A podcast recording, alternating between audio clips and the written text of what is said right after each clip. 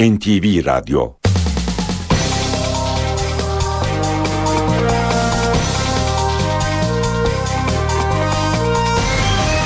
İşe giderken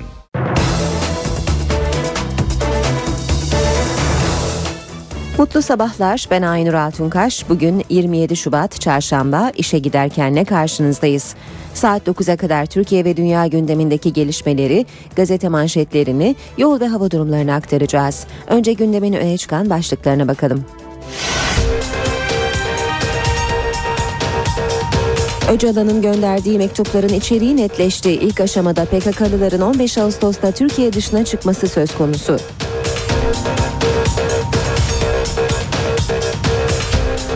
Başbakan Erdoğan Abdullah Öcalan'ın gönderdiği mektuplarla ilgili konuştu. Bizim ilkelerimiz belli, buna uyuyorsa olumludur dedi. BDP eş başkanı Selahattin Demirtaş, Öcalan'ın gönderdiği mektubu bir iki gün içinde Kandil'e ve Avrupa'ya ulaştıracaklarını söyledi.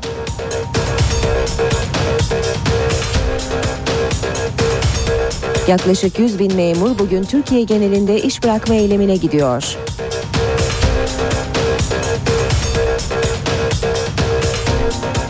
Şanlıurfa Harran'daki konteyner kente kavga çıktı. Aralarında asker ve güvenlik görevlilerinin de bulunduğu 12 kişi yaralandı.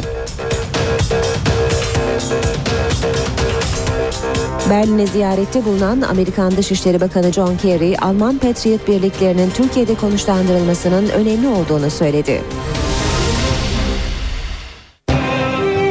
İşe giderken gazetelerin gündemi.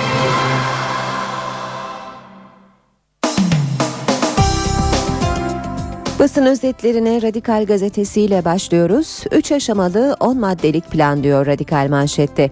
BDP'ye giden 20 sayfalık mektuba göre Öcalan'ın 3, 3 aşamalı planı var. Çekilme ve silah bırakma, tam demokrasi, normalleşme. İlk aşama 21 Mart'ta PKK'nın sınır dışına çekilme ve silah bırakma sürecini içeriyor. Silah bırakma tam çekilmenin temininden sonra bir takvime bağlanarak sağlanacak. İkinci aşama yeni anayasa. Öcalan tam demokratikleşmenin esas olması gerektiği fikrinde. 2013 sonu tamamlanacak ikinci aşamayı birlikte yaşamı pekiştirecek normalleşme izleyecek.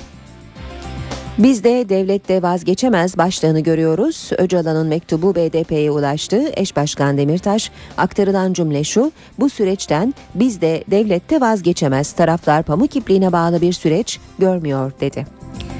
Sabah gazetesinde Başbakanın zehir bile içeriz sözü başlıkta manşette. Başbakan Erdoğan kararlı konuştu. Çözüm için her yola başvururuz. Ülkenin huzuru için baldıran zehri de içeriz dedi. Başbakanın sözleri şöyle devam ediyor. Milletimizin bizimle birlikte olduğunu, hayır dualarını eksik etmediğini biliyoruz. Niyet hayırdır, akıbet de hayır olacak. Bu süreçte ne acıdır ki partilerden, medyadan, sanatçı ve aydınlardan yeterli desteği alamadık ama almayı bekliyoruz. Biz çözüm için her yola başvururuz. Baldıran zehri içmekse o zehri de içeriz. Yeter ki ülkeyi, ülkeye huzur ve refah gelsin. Üç adrese tek mektup başlığını görüyoruz. İmralı'dan yollanan 20 sayfalık mektup BDP'ye özel kurye ile teslim edildi. Aslı BDP'de kalacak. İki kopyası Kandil ve Avrupa kanadına iletilecek. Geçelim Milliyet gazetesine. Milliyet'te Nevruz'da sınır dışına başlığıyla başlayalım. Öcalan mektupta takvimi açıkladı. Öcalan'ın çözüm planını içeren mektup dün BDP'ye ulaştı. Üç aşamalı eylem planı içeren mektubunda Öcalan yanıtların 21 Mart yani Nevruz öncesinde gönderilmesini istiyor. Öcalan koşullar sağlanırsa eylemsizlik ve sınır dışına çekilme çağrımı Nevruz sürecinde yapabilirim diyor. Çözüm planında PKK güçlerinin örgütün ilk eyleminin yıl dönümü olan 15 Ağustos'a kadar Irak'a çekilme işleminin tamamlanması öneriliyor. Milliyetin manşeti ise Fil saçıyla hayat dersi Profesör Hotamışlıgil'in konuşması büyüledi. Diyabete yol açan dokuyu keşfederek bilim tarihine geçen Gökhan Hotamışlıgil, Vehbi Koç ödülünü alırken ilginç örneklerle unutulmaz bir konuşma yaptı. Harvard Üniversitesi Genetik Hastalıklar Bölüm Başkanı Profesör Hotamışlıgil salondakilere önce bir soru sordu. Sizce filin saçı var mıdır? Ardından fillerin saçının olduğunu, ısıtma değil soğutma işlevi gördüğünü ve bunu 20 yaşındaki bir öğrenci öğrencinin keşfettiğini anlattı. Bu keşfi askeri malzemelere uygulayan şirketin kısa sürede 375 milyon dolarlık değere ulaştığından bahsetti ve sonra hayat dersi başladı. Türkiye'nin klasik ekonomik araçlarla geleceği yere kadar geldiğini söyleyen Hotamışlıgil, 100 deneyin 99'unda başarısız bile olsa bilim adamlarının desteklenmesi gerektiğini ifade etti. Yine Milliyet'ten bir başlık raporda küfür yok. Galatasaray Ordu maçının raporlarında terimin küfrettiği yazmıyor.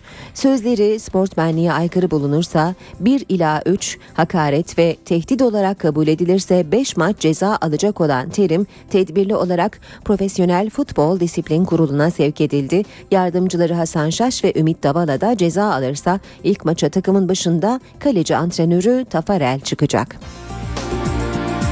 Hürriyet gazetesi var sırada. Hürriyet'te manşet deponuzda kaç füze var? Sayıştay'ın 2010 yılı raporunda kamuyu zarara uğratmakla suçlanan dönemin Hava Kuvvetleri Lojistik Başkanı Korgeneral Mehmet Şanver, denetçinin füze ve savaş uçağı sayısına kadar milli gizlilik derecesindeki bilgileri istemesine itiraz etti. Cumhuriyetle devam edelim. Cumhuriyette manşet gizli zirve yalanı. Güle suikast planı iddiasının köşkteki üçlü zirvede görüşüldüğü haberine başbuğdan yanıt. Arınca suikast iddiasının ardından Cumhurbaşkanı Gül'e yönelik de bir krokinin ele geçirildiği ve bunun köşkte görüşüldüğü iddiası konusunda Gül ve Erdoğan sessizliğini korurken toplantıya katıldığı ileri sürülen İlker Başbuğ haberi yalanladı. Başbuğ'un böyle bir toplantıya katıldığını katılmadığını, böyle bir krokiden haberdar olmadığını söylediği öğrenildi. Devam edelim. Ee, yine Cumhuriyet'ten bir başlıkla pakete takas rötarı. AKP pazarlık izlenimi vermemek için dördüncü yargı paketini bekletiyor. Başbakan Yardımcısı Arınç'ın Cuma günü imzalar tamam meclise gönderildi açıklamasına karşın dördüncü yargı paketi meclise ulaşmadı. Başbakan Yardımcısı Atalay ise imzaların tamamlanmadığını açıkladı. Paketin bekletilmesinin kamuoyuna PKK'lıların ellerindeki kamu görevlileriyle KCK'lılar takas yapılıyor görüntüsü verilmemesi için zamanlama taktiği yürütülmesinden kaynaklandığı belirtildi.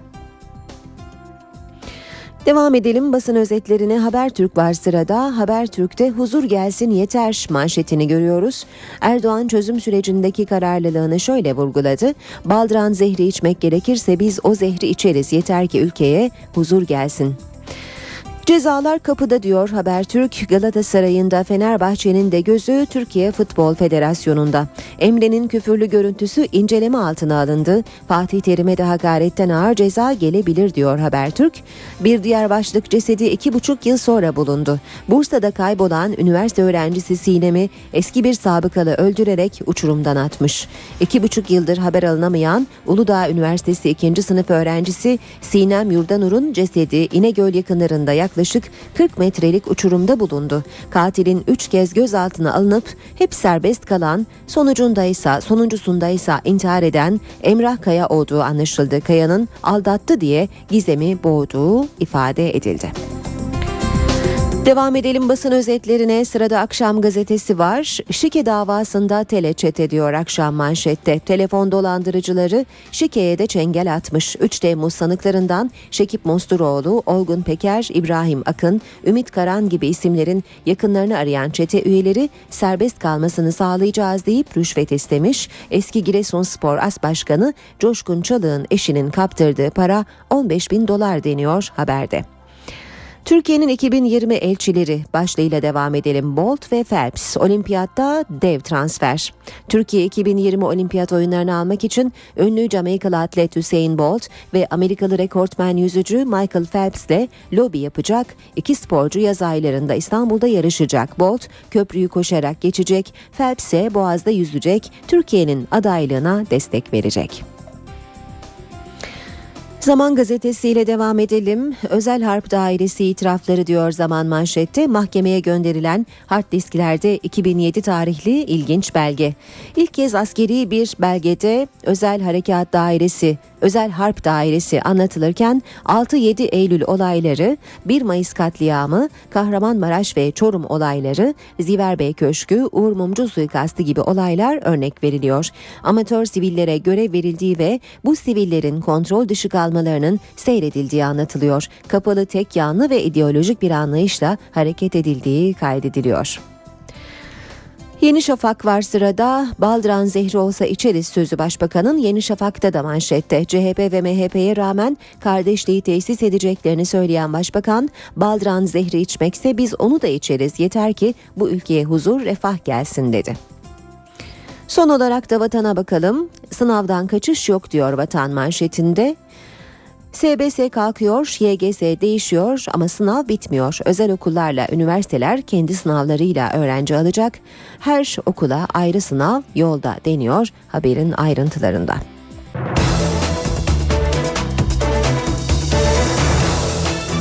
Saat 7.16 NTV Radyo'da işe giderken gündemin ayrıntılarıyla sürüyor. Haberlerimize devlet dairelerinde bugün işi olanları uyararak başlayalım. Çünkü yaklaşık 100 bin memur bugün Türkiye genelinde iş bırakma eylemi yapacak. Eyleme Maliye, Adalet ve İçişleri Bakanlıklarıyla Sosyal Güvenlik Kurumu ve İşkur'da çalışan memurlar katılacak. KESK'e bağlı Büro Emekçileri Sendikası'na üye memurlar vergi ve ücrette adalet ve güvenceli iş talebiyle eylem yapacak. Bugün bu kurumlarda işlem yaptıracak olan dinleyicilerimizi uyaralım. Memurlar bugün iş bırakma eylemine gidiyor. İşe giderken Ve geçelim siyasetin öne çıkan başlığına. Abdullah Öcalan'ın İmralı'dan gönderdiği mektuplarla ilgili gelişmeleri. Başbakan Tayyip Erdoğan'dan konuyla ilgili bir açıklama geldi. Erdoğan, mektuplar için bizim ilkelerimiz belli. Buna uyuyorsa olumludur, yoksa tavrımız ortada dedi. Başbakan, BDP lideri Selahattin Demirtaş'ın Türkler, Kürtler, et ve tırnak değil, eşit iki halk olmalı sözüne de tepki gösterdi. Baldıran zehri de olsa ülkemizin huzuru, refahı için onu içeriz dedik. Yeter ki ülkemizin bu değerler silsilesi içerisindeki yapısından bizden kimse herhangi bir feragat istemesin. Başbakan Recep Tayyip Erdoğan Viyana'ya hareketi öncesinde Abdullah Öcalan'ın BDP'ye gönderdiği mektupla ilgili değerlendirmelerde bulundu.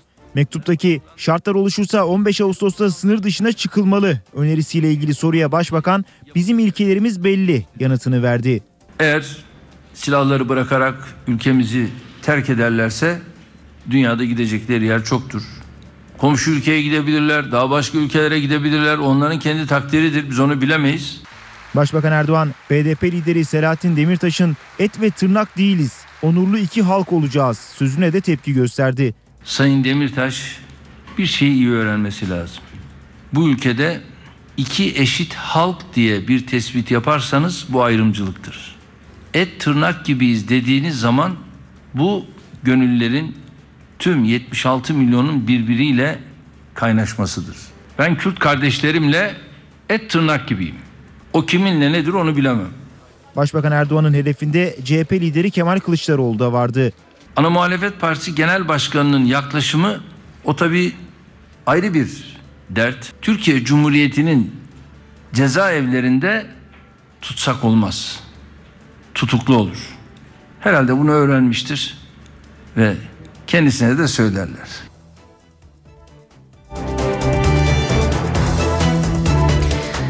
Günlerdir tartışılan, merak edilen Abdullah Öcalan'ın son görüşmede BDP'li heyete verdiği mektupların içeriği de belli oldu. Öcalan mektuplarda 3 aşamalı bir plandan söz ediyor. Öcalan 21 Mart'a kadar mektuplarla ilgili yanıt gelmesini bekliyor. Bu süreçte İmralı'ya bir heyetin daha gitmesi de gündemde. Abdullah Öcalan'ın mektubu yaklaşık 20 sayfadan oluşuyor.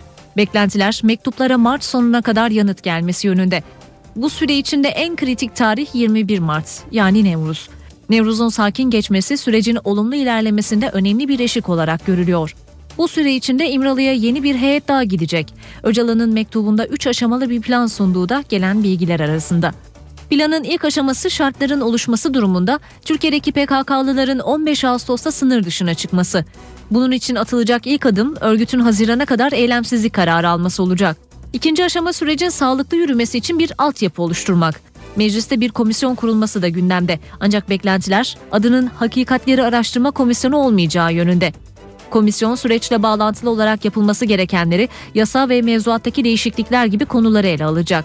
Meclis komisyonuna paralel olarak sivil toplum kuruluşlarının oluşturacağı ayrı bir komisyonsa doğuda ve batıda toplumun değişik kesimleriyle görüşecek. Çekinceleri, kaygıları değerlendirerek görüşlerini meclis komisyonuna sunacak. Üçüncü aşama ise normalleşme dönemi. Mahmur'un yeniden düzenlenmesi, Kuzey Irak'taki PKK unsurlarından suça karışmayanların ailelerinin yanına dönmelerinin sağlanması bu dönem için öngörülen adımlar arasında.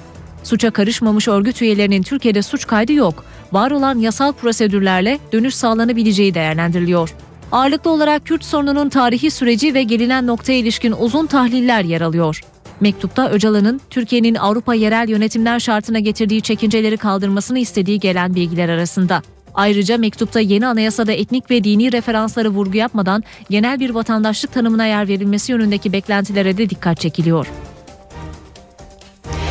İmralı görüşmeleri siyasiler arasında tartışmalara sahne oldu. Başbakan Erdoğan, İmralı görüşmelerindeki kararlılığını sonuna kadar devam sözleriyle ortaya koydu. Muhalefetin bu konuda sorumluluk alması gerektiğini söyledi. BDP ise hükümetin barışı kendine mal etmeye çalıştığını iddia etti. MHP lideri Bahçeli, İmralı görüşmelerini başkanlık pazarlığı olarak adlandırırken CHP Genel Başkanı Kılıçdaroğlu'nun gündeminde PKK'nın kaçırdığı kamu görevlileri vardı baldıran zehiri içmekse biz o baldıran zehirini de içeriz. Başbakan Recep Tayyip Erdoğan İmralı görüşmelerindeki kararlılığını tekrarladı. AK Partili vekilleri uyardı.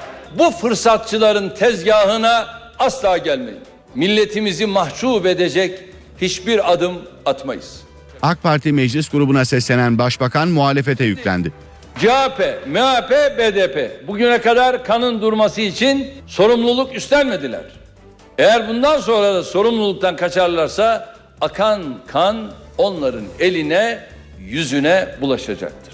BDP eş genel başkanı Selahattin Demirtaş ise Öcalan'ın İmralı'ya giden heyet aracılığıyla gönderdiği mektubun ellerine ulaştığını açıkladı. Yeni bir heyet için başvuru sinyali verdi. Bugün itibariyle partinin bütün yetkili kurulları bu mektubun içeriğiyle ilgili tartışmalarını yürütecek. Mektubun diğer muhataplarına ulaşmasını sağlayacak. Kendi önerilerimizi, bu konudaki yaklaşımlarımızı da en kısa zamanda derleyip toplayıp belki üçüncü bir heyetle iletilmesi için hazırlığımızı sürdüreceğiz. Demirtaş hükümete de yüklendi. Biz bu süreci, bu barış girişimini destekliyoruz. Biz AK Parti'yi desteklemiyoruz. MHP lideri Devlet Bahçeli İmralı görüşmelerini başkanlık pazarlığı olarak niteledi. Ver başkanlığı, al özelliği. Ver başkanlığı, al bağımsızlığı. İhanet süreci planlandığı gibi çalışırsa bölünmüş, parçalanmış ve yenilmiş bir millet yapısı yer almaktadır. CHP lideri Kemal Kılıçdaroğlu ise PKK'nın kaçırdığı kamu görevlileriyle ilgili tartışmaya değindi. BDP milletvekilleri gittiler. Abdullah Öcalan'la görüştüler. Dönüşlerinde bir açıklama yaptılar. PKK'nın elinde tutsaklar var. Devletin de elinde tutsaklar var. Bütün milletin önünde soruyorum. Türkiye Cumhuriyeti hapishanelerinde tutsaklar var mı yok mu? İmralı görüşmelerine bir destek de TÜSİAD'dan geldi. Türk Sanayicileri ve İş Adamları Derneği Başkanı Muharrem Yılmaz, İmralı görüşmelerine olumlu baktıklarını açıkladı. İmralı süreci ülkede artan barış umudunu destekleyen bir süreç oldu. Türk Sanayici ve İş Adamları Derneği Başkanı Muharrem Yılmaz'dan İmralı sürecine destek geldi. Hepimizin ülkede huzurun tesis edilmesi bakımından artan bir beklentisi var ve İmralı süreci diye adlandırılan sürecin barışın ve huzurun tesisine yardımcı olacağı umudunu taşıyoruz. Muharrem Yılmaz'a başkanlık sistemi de soruldu. TÜSİAD Başkanı yeni anayasayı işaret etti, yeter ki uzlaşılsın dedi. Bu anayasanın bir toplumsal mutabakat anayasası olmasını diliyoruz. O yönde çalışıyoruz, beklentilerimiz var.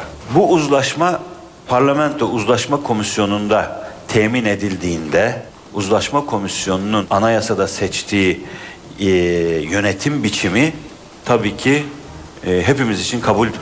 Yeter ki uzlaşılsın. Yılın ilk Milli Güvenlik Kurulu toplantısı yapıldı. Toplantıya Milli İstihbarat Teşkilatı'nın müsteşarı Hakan Fidan katılmadı. Toplantının ardından yapılan açıklamada ise İmralı görüşmeleriyle ilgili bir değerlendirme yoktu. Bildiride terörle mücadelenin kararlılıkla süreceği vurgulandı. Yılın ilk MGK toplantısında terör konuşuldu. Milli İstihbarat Teşkilatı'nın başındaki isim Hakan Fidan'ın Ankara'da olmasına rağmen toplantıya katılmaması dikkat çekti. Toplantının ardından yapılan açıklamada İmralı görüşmeleriyle ilgili değerlendirme yoktu. MGK açıklamasında terörle mücadelede kararlılık mesajı ön plana çıktı. Toplantıda teröre karşı yürütülen operasyonların görüşüldüğü, bahar-yaz döneminde yürütülecek faaliyetlerin gözden geçirildiği belirtildi. MGK'da Suriye'de konuşuldu. Suriye'de yaşanan sorunun halkın talepleri doğrultusunda kısa zamanda sonuçlandırılması ve sayıları 180 bin aşan Suriyeli mültecilerin durumu değerlendirildi. Devam edelim gündemde öne çıkan diğer gelişmelerle. Şanlıurfa Harran'da bir grup Suriyeli kayıtlarının bulunmadığı konteyner kente zorla girmek isteyince kavga çıktı. Aralarında asker ve güvenlik görevlilerinin de bulunduğu 12 kişi yaralandı. Tartışma konteyner kentin girişindeki özel güvenlik görevlilerinin içeri zorla girmek isteyen Suriyelilere müdahalesiyle başladı. Olay içerideki Suriyelilerin de karışmasıyla kavgaya dönüştü. Arbede'de asker ve özel güvenlik görevlilerinin de aralarında olduğu 12 kişi yaralandı yaralandı. Bölgeye sevk edilen takviye güvenlik güçlerinin müdahalesiyle gerginlik sona erdi. Bazı Suriyeliler gözaltına alındı. Yaralılar Harran, Akçakale ve Şanlıurfa'daki hastanelere sevk edildi. İçişleri Bakanı Muammer Güler cilve gözündeki patlama ile ilgili gelinen son noktaya ilişkin bilgi verdi. Şu an gözaltı yok, araştırmalarımız devam ediyor dedi. Mecliste gazetecilerin sorularını yanıtlayan İçişleri Bakanı, cilve gözündeki patlamaya ilişkin bazı tespitler olduğunu ve bunların analizlerinin yapıldığını söyledi. Güler zaten görüntüdeki şahıslardan ve onunla işbirliği yaptığını tespit ettiğimiz şahıs hemen olaydan sonra Yayla Dağı'ndan çıkış yapmış, başka tespitlerimizi yapıyoruz diye konuştu. Berlin'e resmi ziyarette bulunan Amerika Dışişleri Bakanı John Kerry, Alman Patriot birliklerinin Türkiye'de konuşlandırılmasının önemine dikkat çekti. John Kerry başkent Berlin'de önce mevkidaşı Guido Westerwelle, ardından da Almanya Başbakanı Angela Merkel'le bir araya geldi. Kerry Westerwelle ile görüşmesi sonrasında yapılan ortak basın toplantısında Almanya'nın Suriye rejimine yaptığı baskıyı artırmasından dolayı teşekkür etti. John Kerry, Alman Patriot birliklerinin bu süreçte Türkiye'de olmasını olmasının önemli olduğunu kaydetti. Her iki Dışişleri Bakanı da Suriye rejimi üzerindeki baskının sürdürülmesi konusunda mutabık kaldıklarını ifade etti. Amerika Birleşik Devletleri Suriye'deki silahlı muhaliflere desteği arttırıyor. Amerika'nın Özgür Suriye ordusuna askeri teçhizat desteği sağlayacağı iddiası gündemde. Amerikan televizyonu CNN'e bilgi veren kaynaklar, Obama yönetiminin muhaliflere sağlayacağı teçhizat desteğinin silahı kapsamadığını belirtti. Ayrıca Amerika'nın Suriyeli muhaliflere askeri eğitim verebileceği de ileri sürüldü. Haber ajansı Associated Press'e konuşan kaynaklarsa bazı Avrupa ülkelerinin muhaliflere çelik yelek, gece görüş dürbünü gibi malzemelerle destek verebileceğini söyledi. Obama yönetiminin Perşembe günü Roma'da yapılacak Suriye'nin dostları toplantısına kadar konuyla ilgili son kararı alacağı iddia edildi. NTV Radyo'da işe giderken de birlikteyiz saat 7.29 birazdan 3 büyük şehrimizin trafik notlarını aktaracağız ve spor haberlerine bakacağız. Şimdi kısa bir aramız var. Ara vermeden önce gündemin başlıklarını hatırlatalım.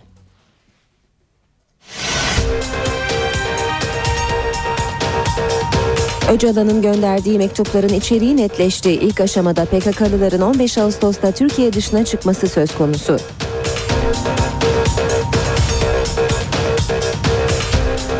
Başbakan Erdoğan, Abdullah Öcalan'ın gönderdiği mektuplarla ilgili konuştu. Bizim ilkelerimiz belli, buna uyuyorsa olumludur dedi. BDP eş başkanı Selahattin Demirtaş, Öcalan'ın gönderdiği mektubu bir iki gün içinde Kandil'e ve Avrupa'ya ulaştıracaklarını söyledi.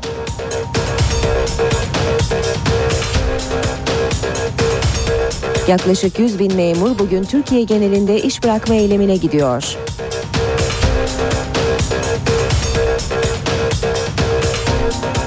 Şanlıurfa Harran'daki konteyner kente kavga çıktı. Aralarında asker ve güvenlik görevlilerinin de bulunduğu 12 kişi yaralandı. Berlin'e ziyarette bulunan Amerikan Dışişleri Bakanı John Kerry, Alman Patriot birliklerinin Türkiye'de konuşlandırılmasının önemli olduğunu söyledi.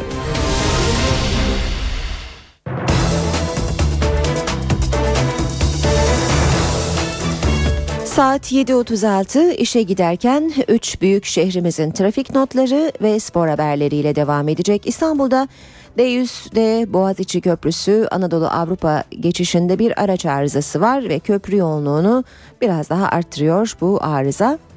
Devam edelim yine İstanbul'la. Fatih Sultan Mehmet Köprüsü Anadolu Avrupa geçişi yoğunluğu Dudullu'da başlıyor ve köprü girişine kadar etkili ters yönde sadece etiler katılımı itibarıyla köprü çıkışına kadar yoğunluk var. Boğaziçi Köprüsü'ndeki e, arızayı tekrarlayalım. Anadolu Avrupa yönünde meydana geldi bu arıza. E, köprüye yakın sayılabilecek bir noktada ve daha geriye doğru yığılmaların artabilmesi söz konusu. Avrupa Anadolu geçişinde ise yoğunluk Mecidiyeköy'de başlıyor ve köprü çıkışına kadar da devam ediyor. Tem otoyoluyla devam edelim.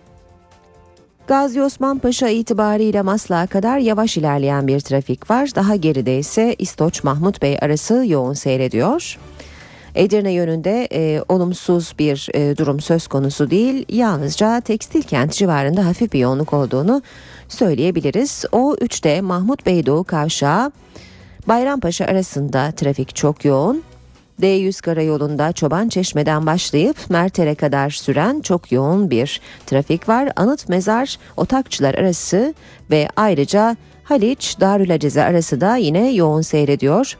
Küçükçekmece Avcılar arasında yoğunluğun yine çift yönlü olarak etkili olduğunu görüyoruz. Tem otoyolu Anadolu yakasında Ataşehir Dudullu arası yoğun. Gişelere yaklaşırken de trafik yavaşlıyor.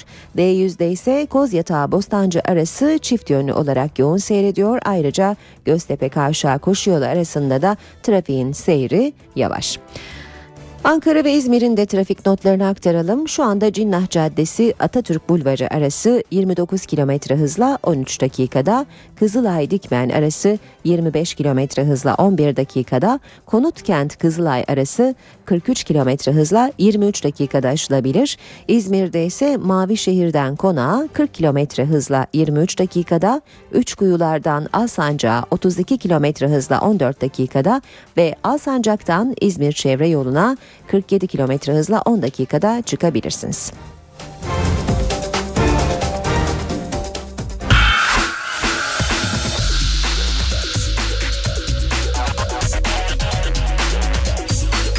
Spor sayfaları.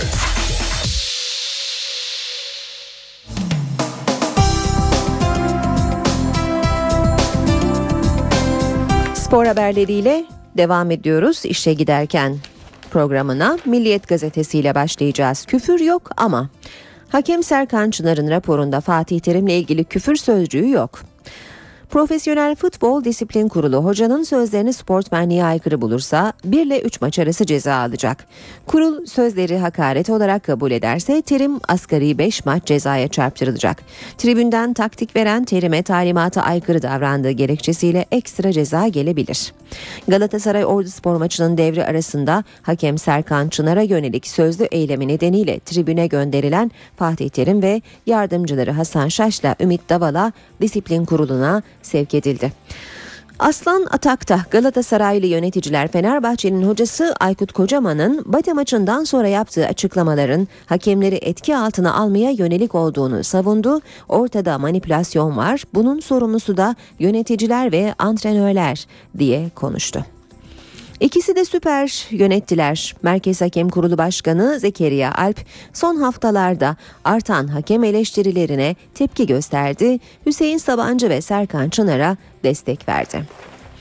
Sorumlu benim. Aykut Kocaman tercihlerinin sorgulanmasına tepki gösterdi. Sahanın dışındaki her insan kendini teknik direktör gibi hissediyor. Burada sorumluluklar bana ait. Kimseyi çok fazla ilgilendirmiyor diye konuştu. Rakip Trabzon 1461 Ziraat Türkiye Kupası'nda A grubunda mücadele eden Fenerbahçe son maçını bugün Şükrü Saracoğlu stadında 1461 Trabzon'la oynayacak saat 20.30'da başlayacak bu mücadele. Birbirinizi sevin nasihatı başlığını yine milliyetten okuyalım. Sporda yılın onur ödülünü alan Aziz Yıldırım kendisini seçen öğrencilere birbirinizi sevin, tribün liderliğini alın, her zaman doğru bildiklerinizi söyleyin uyarısı yaptı. Milliyetten okumaya devam ediyoruz. İlle de Kadıköy, Beşiktaş Teknik Direktörü Samet Aybaba yeni stada ihtiyaçları olduğunu söyledi. Biz Fenerbahçe stadında oynamak istiyoruz. Eğer olmazsa İstanbul dışında da bir yer düşünebiliriz dedi. File'de final günü. Voleybolda temsilcilerimiz bugün Avrupa arenasındaki kritik maçlara çıkacaklar. Halkbank erkek takımı Sev Kupası finalinde İtalyan Andreoli Latina ile deplasmanda Türkiye saatiyle 21.30'da karşı karşıya gelecek. Kadınlarda ise Fenerbahçe Sev Kupası final maçında Polonya'nın Bank PBS Fakro Muzina takımıyla Türkiye saatiyle 19'da yine rakip sahada kozlarını paylaşacak. Avrupa aşkına Avrupa'nın en kestirme yolu olarak Türkiye Kupası'nı gören Trabzonspor yarı finalde Fenerbahçe ile eşleşmemek için Antalya maçından en az bir puan hedefliyor.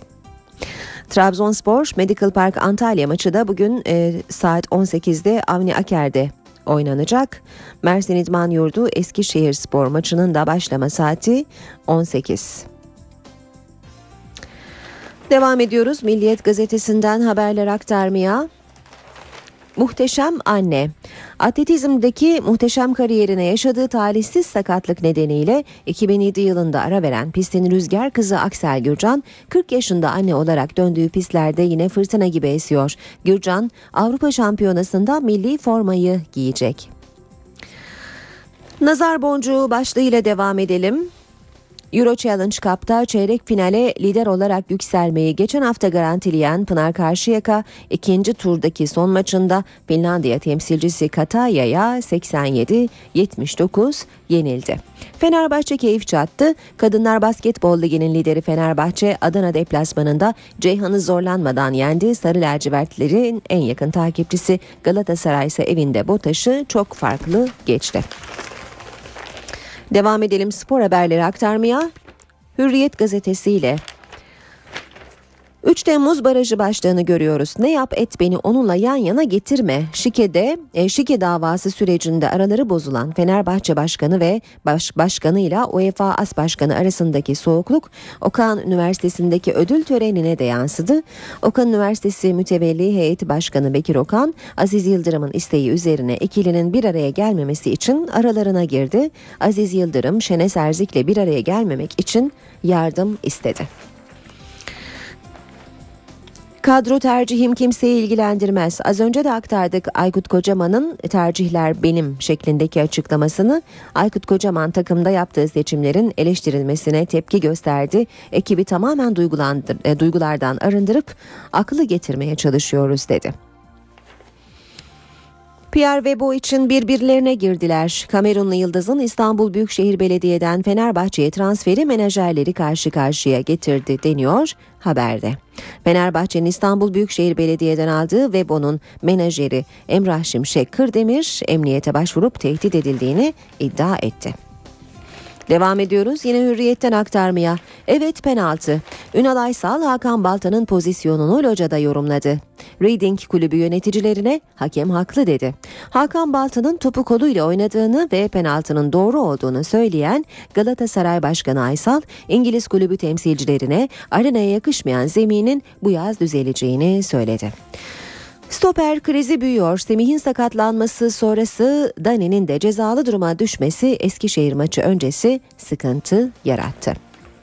Bizim hediye penaltıya ihtiyacımız yok. Twitter'dan bombaladı.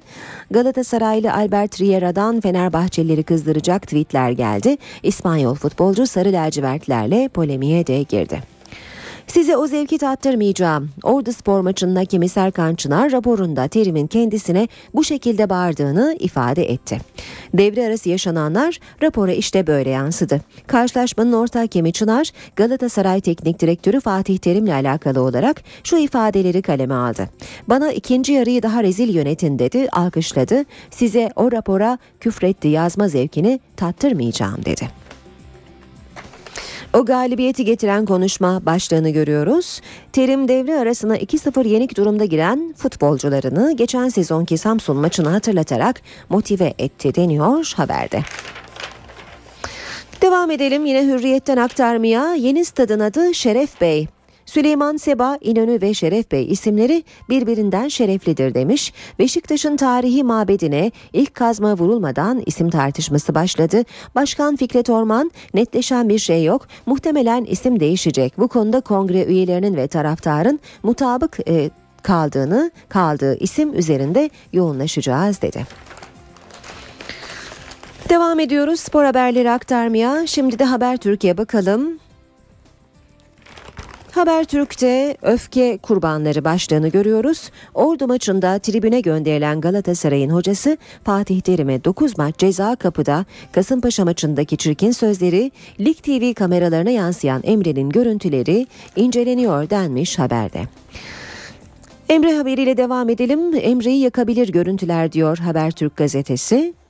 Kasımpaşa maçında rakip takım futbolcu ve teknik heyetine küfrettiği bildirilen Fenerbahçeli Yıldız hakkında Türkiye Futbol Federasyonu harekete geçti deniyor ve Emre'ye 2-3 maç ceza gelebileceği ifade ediliyor.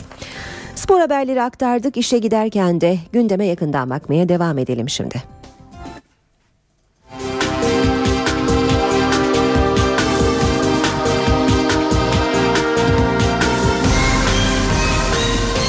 İşe giderken.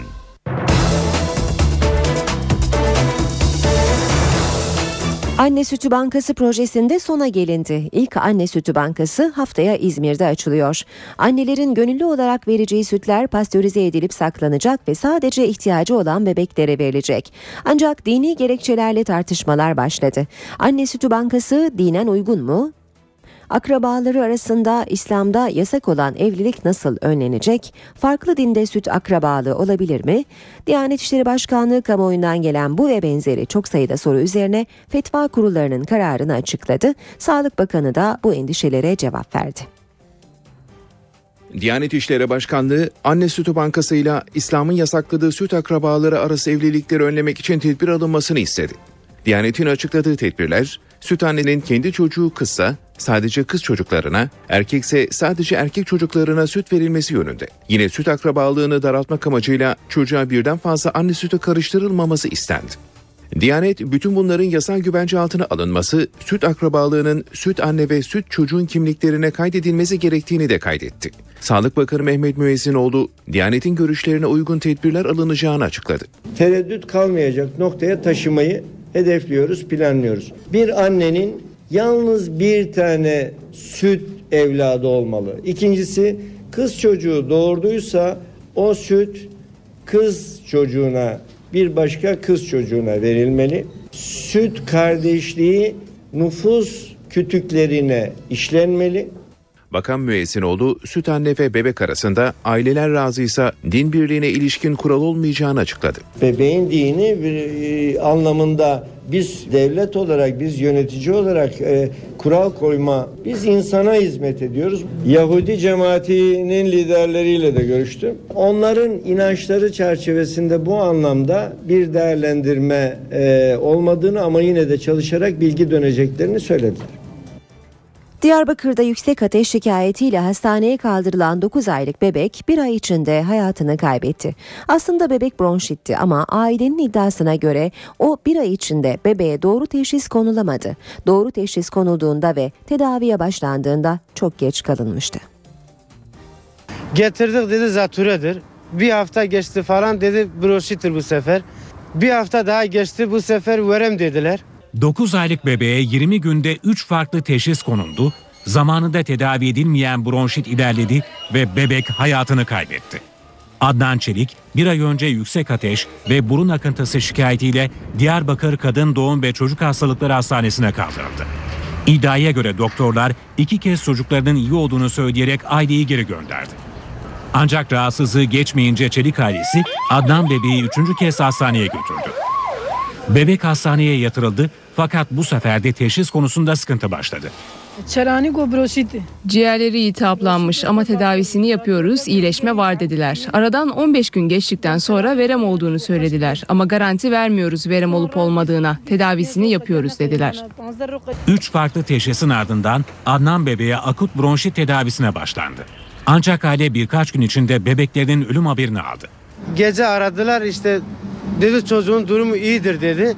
Sonradan e, sabah aradılar diyor çocuğunuz vefat etti. Sağlık Bakanlığı aradı. Doktorunuzla görüşmüşüm dedi. Do- dur- çocuğun durumu iyidir burada tedavi olsun. Baba Yusuf Çelik, Diyarbakır Cumhuriyet Başsavcılığına giderek hastane yönetimi hakkında suç duyurusunda bulundu. Hastane yetkililerinden olayla ilgili herhangi bir açıklama gelmedi. Adana'da birbirlerinin abileriyle evlendirilen 15 yaşındaki iki kıza devlet sahip çıktı. Berder usulü evlilik çocuk gelinlere sokak ortasında düğün yapılınca ortaya çıktı. İki kız çocuğu şimdi koruma altında. Semra da Yasemin de henüz 15 yaşında. Ancak aileler karar verdi. İkisi de birbirlerinin ağabeyleriyle berdel usulü evlendirildi. Adana'da yaşayan çocuk gelinlere resmi nikah yapılmadı. Semra ve Yasemin gelin gittikleri evde koca adaylarıyla yaşamaya başladı. Berdel usulü evlilik çocuk gelinlere sokakta düğün yapılınca ortaya çıktı. İhbar üzerine ailelerin evine giden polis düğünü durdurdu. Birbirini sevdiler yani. Birbirlerini sevdiler. Ha. Benim oğlum e, amcasının kızını sevdi getirdim. Benim kızım da amcasının oğlunu sevdi. Ben kızımı ona verdim yani. Zorla verme falan. Hayır hayır zor- zorla güzellik olur mu? Ancak çocuk gelinler polise zorla evlendirildiklerini söyledi.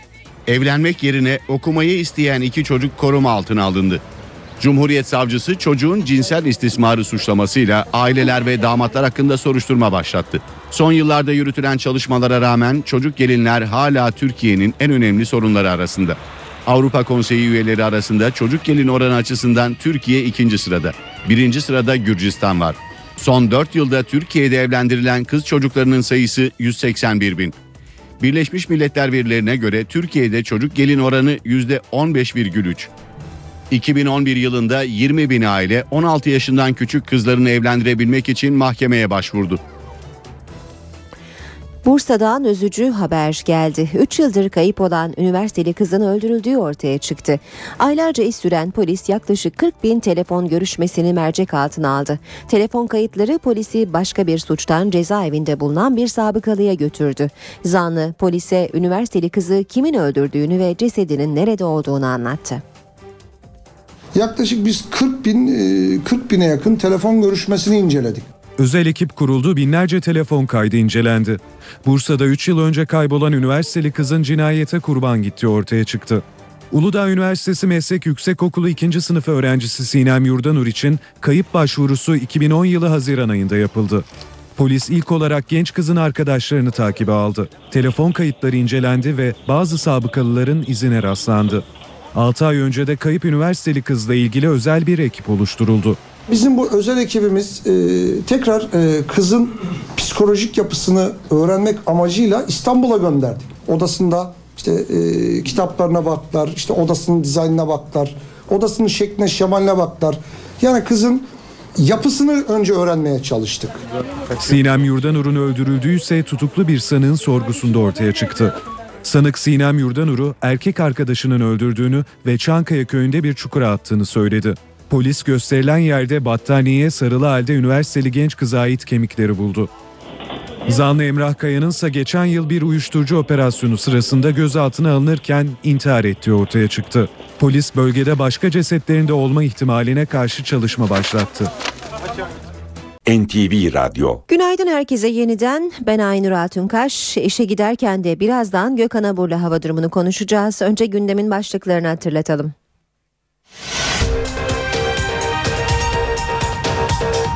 Öcalan'ın gönderdiği mektupların içeriği netleşti. İlk aşamada PKK'lıların 15 Ağustos'ta Türkiye dışına çıkması söz konusu.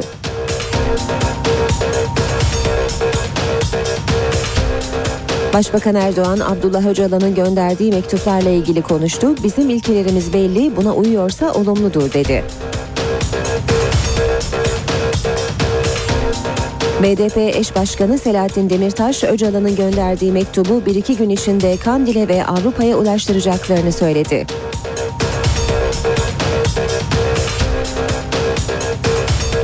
Yaklaşık 100 bin memur bugün Türkiye genelinde iş bırakma eylemine gidiyor.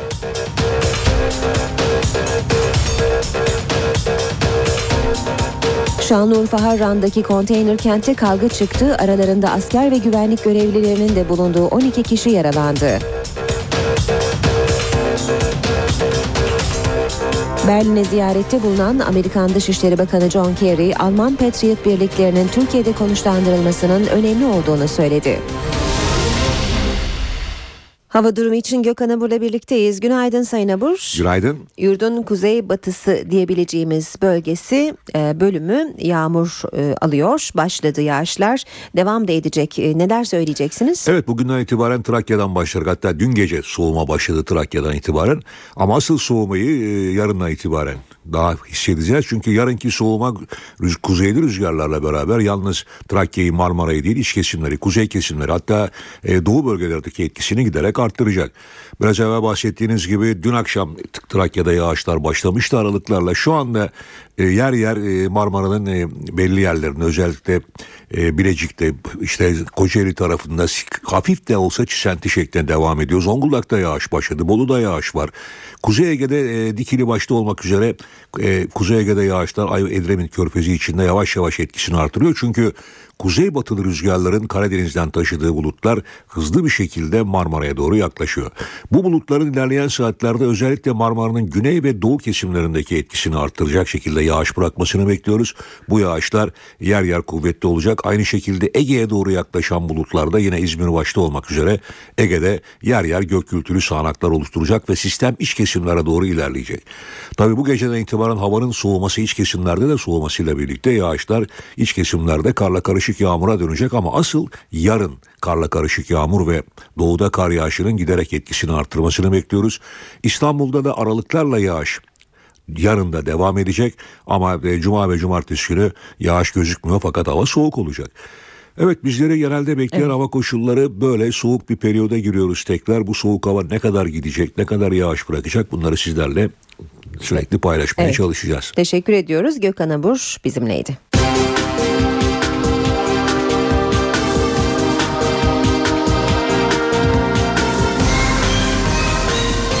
İşe giderken İşe giderken gazetelerin gündemi.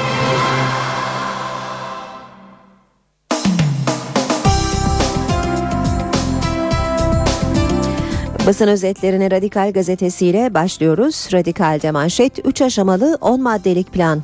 BDP'ye giden 20 sayfalık mektuba göre Öcalan'ın 3 aşamalı planı var. Çekilme ve silah bırakma, tam demokrasi, normalleşme. İlk aşama 21 Mart'ta PKK'nın sınır dışına çekilme ve silah bırakma sürecini içeriyor. Silah bırakma tam çekilmenin temininden sonra bir takvime bağlanarak sağlanacak. İkinci aşama yeni anayasa, Öcalan tam demokratikleşmenin esas olması gerektiği fikrinde. 2013 sonu tamamlanacak ikinci aşamayı birlikte yaşamı pekiştirecek normalleşme izleyecek. Sabah gazetesiyle devam edelim. Zehir bile içeriz diyor manşet. Başbakan Erdoğan kararlı konuştu. Çözüm için her yola başvururuz. Ülkenin huzuru için baldıran zehri de içeriz. Başbakan Erdoğan'ın dün meclis grup toplantısında yaptığı konuşmadan başlıkları görüyoruz. Milletimizin bizimle birlikte olduğunu, hayır dualarını eksik etmediğini biliyoruz. Niyet hayırdır, akıbet de hayır olacak diyor Başbakan Erdoğan. Devam edelim Milliyet gazetesiyle Milliyet'te fil saçıyla hayat dersi manşetini görüyoruz. Profesör Hotamışlıgil'in konuşması büyüledi. Diyabete yol açan dokuyu keşfederek bilim tarihine geçen Gökhan Hotamışlıgil Vehbi Koç ödülü alırken ilginç örneklerle unutulmaz bir konuşma yaptı. Harvard Üniversitesi Genetik Hastalıklar Bölüm Başkanı Profesör Hotamışlıgil salondakilere önce bir soru sordu. Sizce filin saçı var mıdır? Ardından fillerin saçının olduğunu, ısıtma değil soğutma işlevi gördüğünü ve bunu 20 yaşındaki bir öğrencinin keşfettiğini anlattı. Bu keşfi askeri malzemelere uygulayan şirketin kısa sürede 375 milyon dolarlık değere ulaştığından bahsetti. Ve sonra hayat dersi başladı. Türkiye'nin klasik ekonomik araçlarla geleceği yere kadar geldiğini söyleyen Hutamışlıgil, 100 deneyin 99'unda başarısız bile olsa bilim adamları programlarının desteklenmesi gerektiğini ifade etti.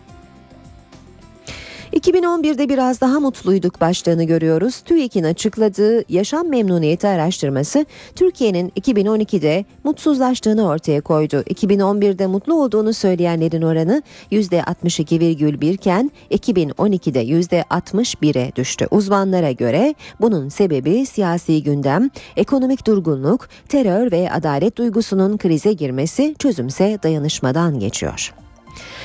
Cumhuriyet gazetesiyle devam edelim. Gizli zirve yalanı demiş Cumhuriyet manşette. Güle suikast planı iddiasının köşkteki üçlü zirvede görüşüldüğü haberine başbuğdan yanıt. Arınca suikast iddiasının ardından Cumhurbaşkanı Gül'e yönelik de bir krokerin ele geçirildiği ve bunun köşkte görüşüldüğü iddiası konusunda Gül ve Erdoğan sessizliğini korurken toplantıya katıldığı ileri sürülen İlker Başbuğ haberi yalanladı. Başbuğ'un böyle bir toplantıya katılmadığını, böyle bir krokiden haberdar olmadığını söylediği öğrenildi. Geçiyoruz Hürriyet e, akşam gazetesine. Akşamda manşet şike davasında teleçete. Telefon dolandırıcıları şikeye de çengel atmış. 3 Temmuz sanıklarından Şekip Mosturoğlu, Olgun Peker, İbrahim Akın, Ümit Karan gibi isimlerin yakınlarını arayan çete üyeleri serbest kalmasını sağlayacağız deyip rüşvet istemiş. Eski Giresunspor As Başkanı Coşkun Çalık'ın eşinin kaptırdığı para 15 bin dolar.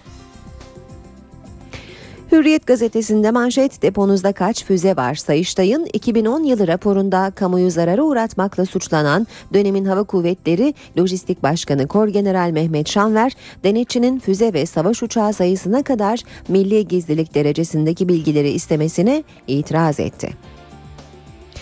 Devam ediyoruz Vatan gazetesiyle vatanda sınavdan kaçış yok başlığını manşette görüyoruz. SBS kalkıyor, YGS değişiyor ama sınav bitmiyor. Özel okullarla üniversiteler kendi sınavlarıyla öğrenci alacak. Her okula ayrı sınav yolda denmiş haberin ayrıntılarında. Devam edelim basın özetleri aktarmaya. Sırada Habertürk gazetesi var. Habertürk'te cesedi iki buçuk yıl sonra bulundu başlığını sürmanşette görüyoruz. Bursa'da kaybolan üniversite öğrencisi Sinem'i eski bir sabıkalı öldürerek uçurumdan atmış. İki buçuk yıldır haber alınamayan Uludağ Üniversitesi ikinci sınıf öğrencisi Sinem Yurdanur'un cesedi İnegöl yakınlarında yaklaşık 40 metrelik uçurumda bulundu. Katilin üç kez gözaltına alınıp hep serbest kalan sonuncusunda ise intihar eden Emrah Kaya olduğu anlaşıldı. Kaya'nın aldattı diye gizemi boğduğu ifade edildi. Bir spor haberi cezalar kapıda. Emre'nin küfürlü görüntüsü inceleme altında e, altına alındı. Fatih Terim'e de hakaretten ağır ceza gelebilir. Galatasaray'ın da Fenerbahçe'nin de gözü Futbol Federasyonu'nda. Hukuk Kurulu Emre'nin Kasımpaşa maçındaki görüntülerini dudak okuma uzmanlarıyla masaya yatırdı. Terim ise hakeme hakaretten Profesyonel Futbol Disiplin Kurulu'na sevk edildi. Emre 2, Terim 9 maç ceza alabilir denmiş haberin ayrıntılarında. Yeni Şafak baldıran zehri olsa içeriz diyor manşetinde. CHP ve MHP'ye rağmen kardeşliği tesis edeceklerini söyleyen başbakan, baldıran zehri içmekse biz onu da içeriz. Yeter ki bu ülkeye huzur refah gelsin dedi. Ve e, Zaman gazetesine de bakalım. Özel Harp Dairesi itirafları diyor Zaman manşetinde. Mahkemeye gönderilen hard disklerde 2007 tarihli ilginç belge. İlk kez askeri bir belgede Özel Harp Dairesi anlatılırken 6-7 Eylül olayları, 1 Mayıs katliamı, Kahramanmaraş ve Çorum olayları, Ziverbey Köşkü, Uğur Mumcu suikastı gibi olaylar örnek veriliyor. Amatör sivillere görev verildiği ve bu sivillerin kontrol dışı kalmalarının seyredildiği anlatılıyor. Kapalı, tek yanlı ve ideolojik bir anlayışla hareket edildiği kaydediliyor. Ankara gündemi.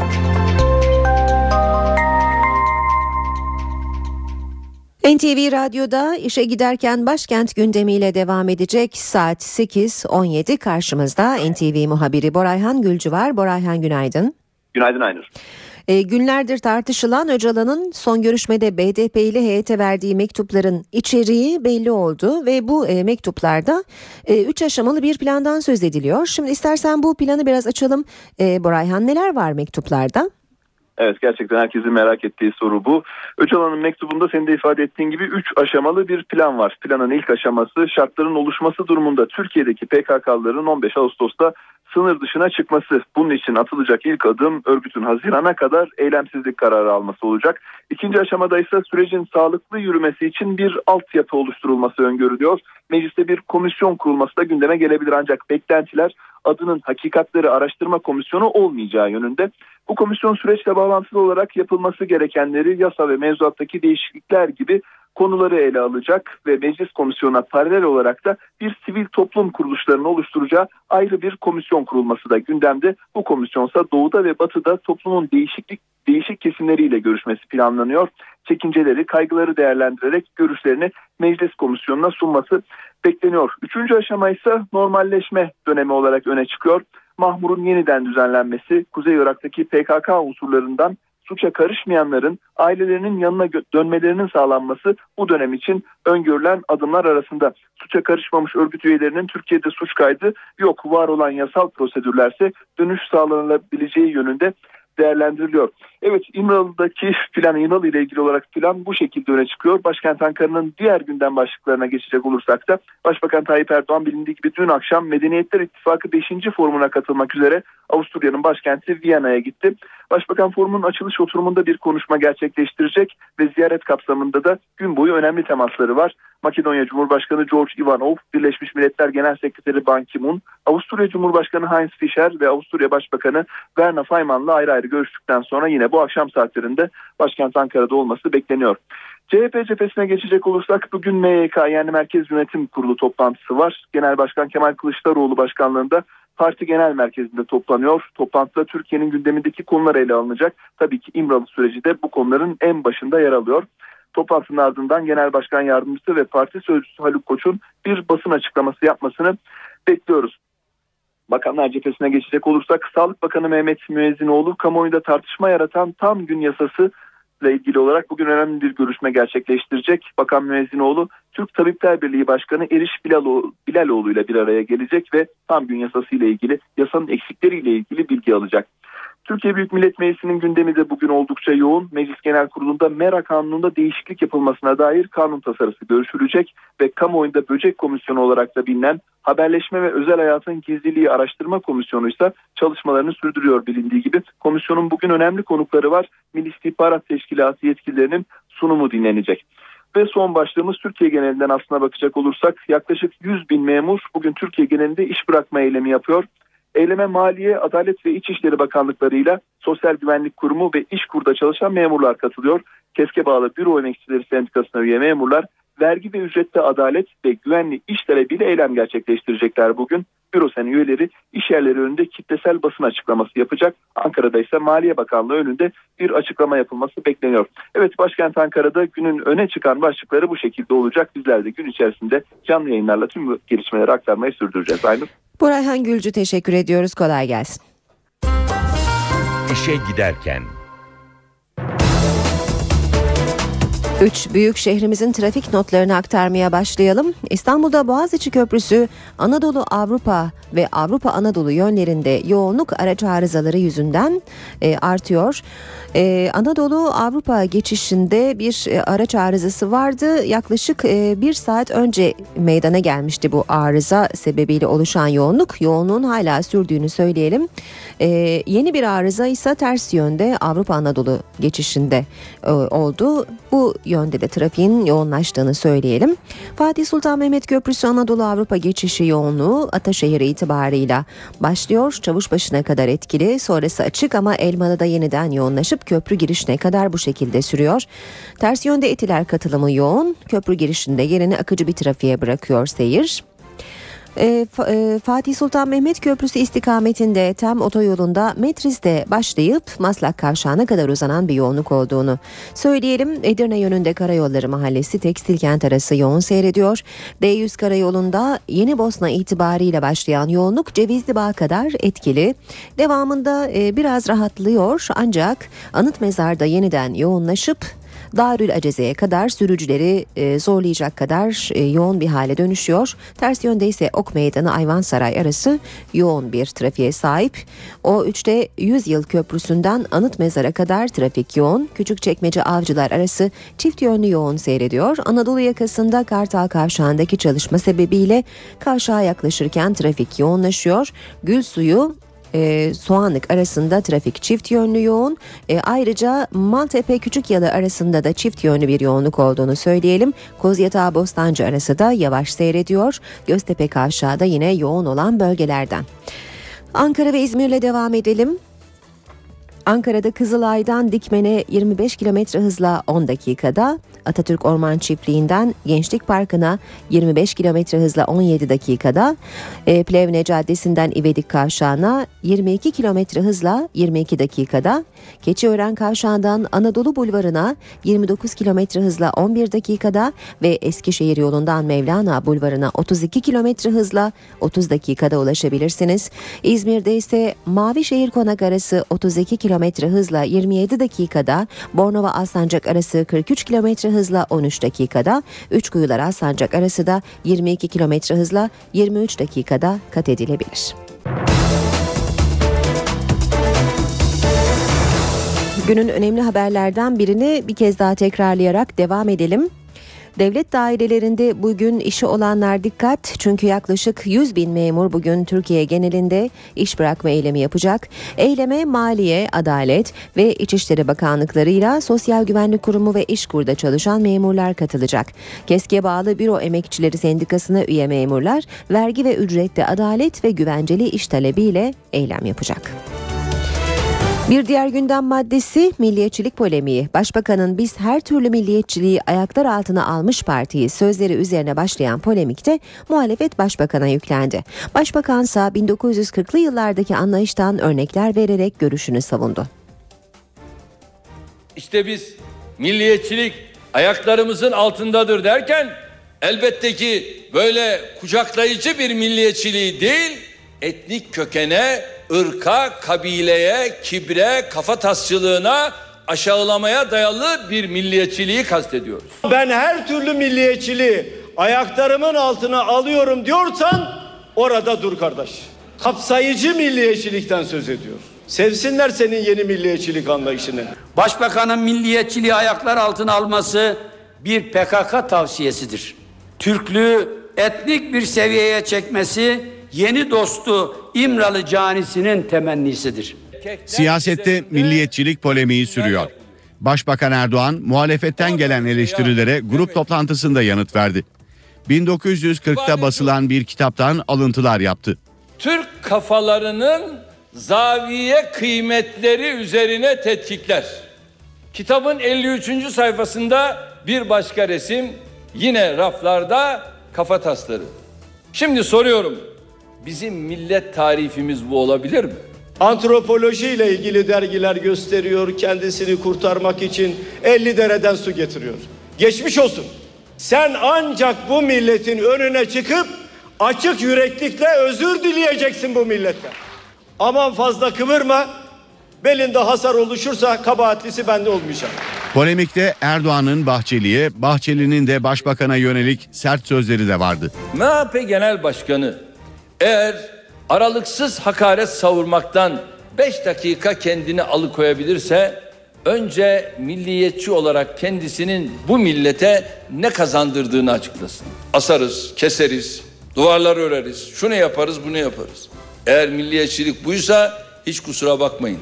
Biz böyle bir milliyetçiliğe prim vermeyiz. Başbakana tüm kötü sözlerini aynen iade ediyor. İftiralarının selinde bir gün boğulmaktan kaçamayacağını iyi biliyor. Milli değerlerimize tahammülsüz olan dilin çok fazla uzadığını ikazla bildirmek istiyorum.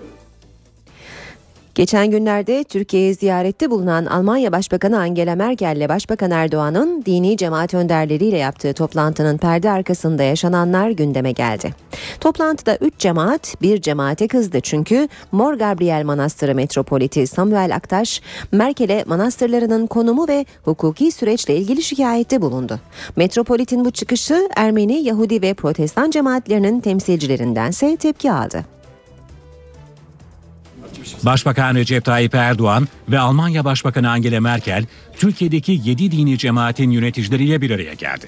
Süryani Mor Gabriel Manastırı Metropoliti Samuel Aktaş, manastırlarının mal varlıkları ve konumuyla ilgili hukuki problemlerin tam olarak çözülememesinden şikayetçi oldu. Başbakanın yanıtı hukuki sürece müdahale edemeyiz oldu. Metropolit Aktaş'ın şikayetine diğer cemaat temsilcileri tepki gösterdi.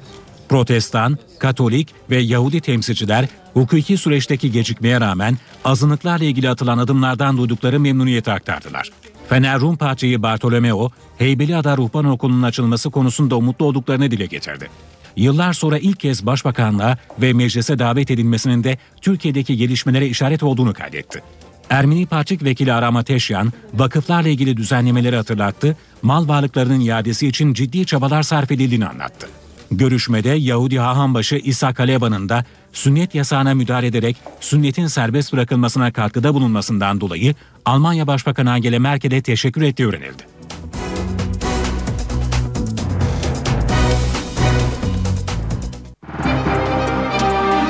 Piyasalarla devam ediyoruz. İMKB 100 endeksi dün 844 puan artışla %1,10 oranında değer kazandı ve 77.514 puandan kapandı. Bu sabah serbest piyasada dolar 1.81, euro 2.36'dan işlem görüyor. Euro dolar 1.31, dolar yen 92 düzeyinde. Altının onsu 1611 dolar, kapalı çarşıda külçe altının gramı 92 lira. Cumhuriyet altın 632, çeyrek altın 156 liradan işlem görüyor. Brent petrolün varil fiyatı 113 dolar. İşe giderken Saat 8.30 olmak üzere işe giderken de birlikteyiz. Gündemde öne çıkan gelişmelere bakmaya devam edeceğiz ama şimdi kısa bir aramız var. Ara vermeden önce de başlıkları hatırlayalım. Öcalan'ın gönderdiği mektupların içeriği netleşti. İlk aşamada PKK'lıların 15 Ağustos'ta Türkiye dışına çıkması söz konusu.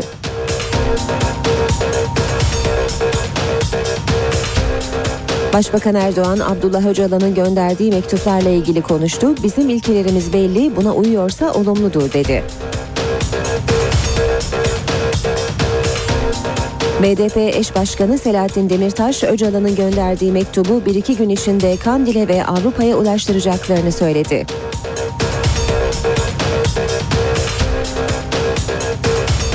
Yaklaşık 100 bin memur bugün Türkiye genelinde iş bırakma eylemine gidiyor.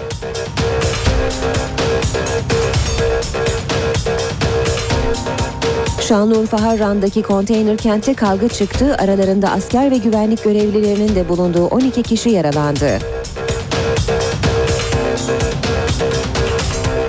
Berlin'e ziyarette bulunan Amerikan Dışişleri Bakanı John Kerry, Alman Patriot birliklerinin Türkiye'de konuşlandırılmasının önemli olduğunu söyledi.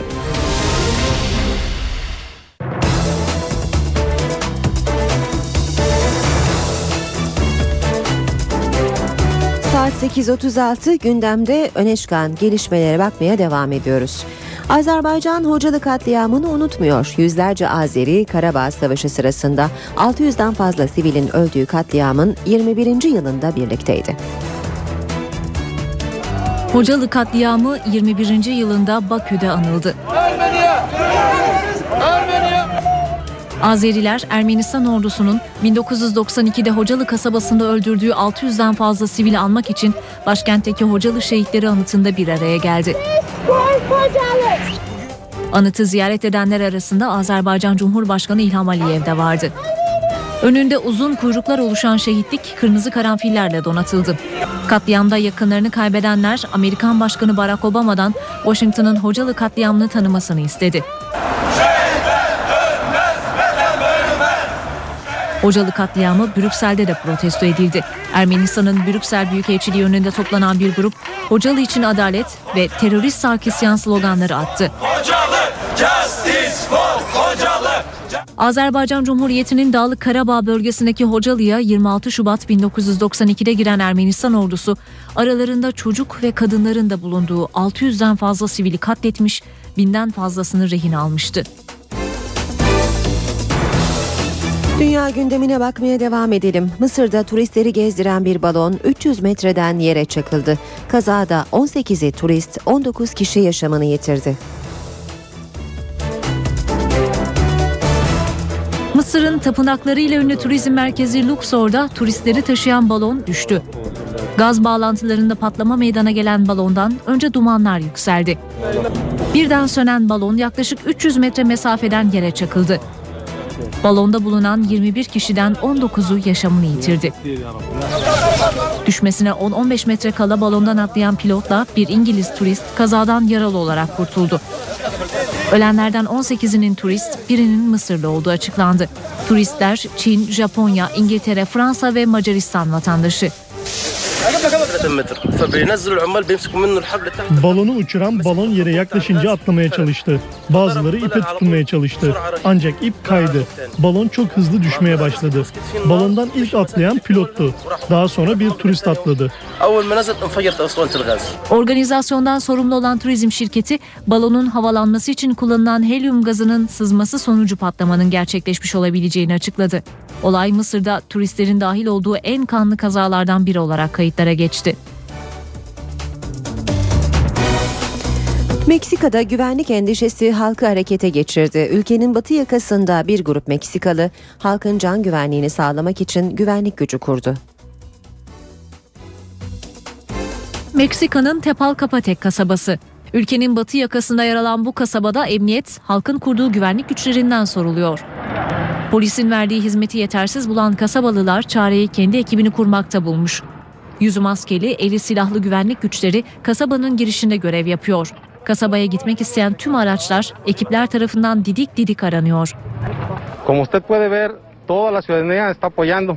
Gördüğünüz gibi halk bizi destekliyor. Ellerinde silah ve tüfek olanlar bize getiriyor. Bizim tek istediğimiz organize suçlara karşı halkı korumak. Şüphelilerse kasabada kurulan gözaltı merkezine götürülüyor.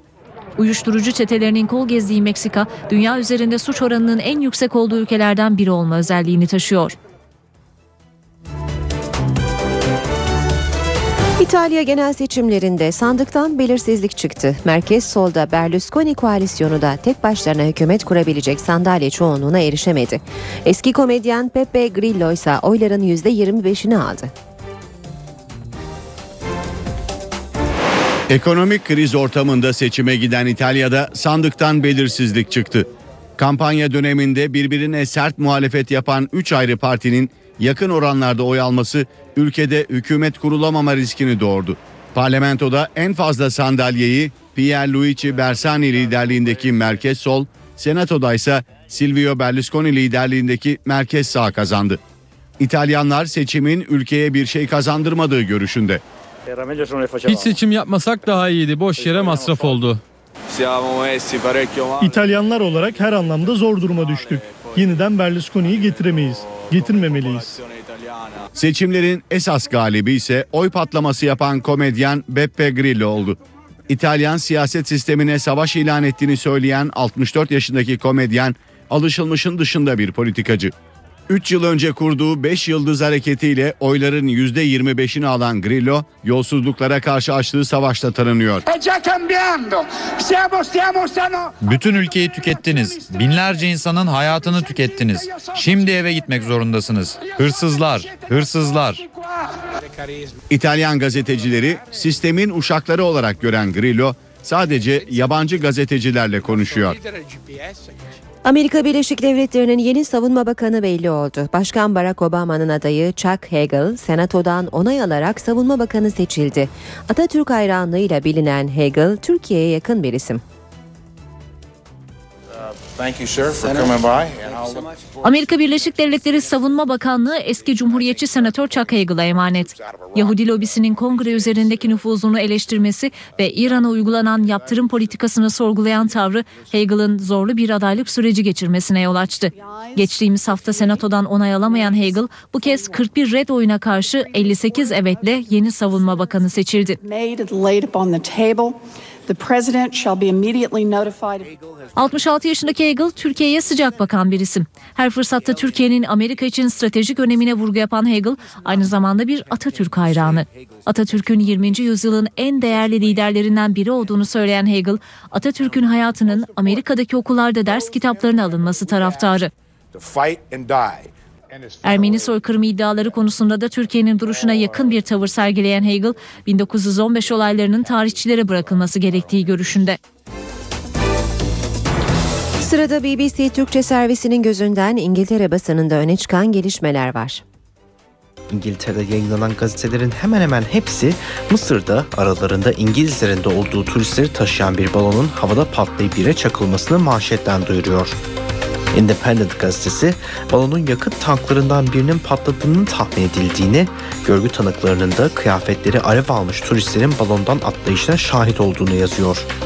Gazete balondan atlayan bir turistin ve pilotun sağ kurtulduğunu ama ismi Michael Rennie olan turistin eşinin ölümüne tanık olmak zorunda kaldığını aktarıyor. Gazete hayatını kaybeden diğer turistlerin Hong Kong, Japonya, Fransa ve Macaristan vatandaşları olduğunu yazıyor. Guardian gazetesi tarihin gelmiş geçmiş en kötü balon kazası olarak nitelendirilebilecek olayın Mısır'ın hali hazırda zorda olan turizm sektörünü derinden sarstığını yazıyor. Haberin devamı şöyle.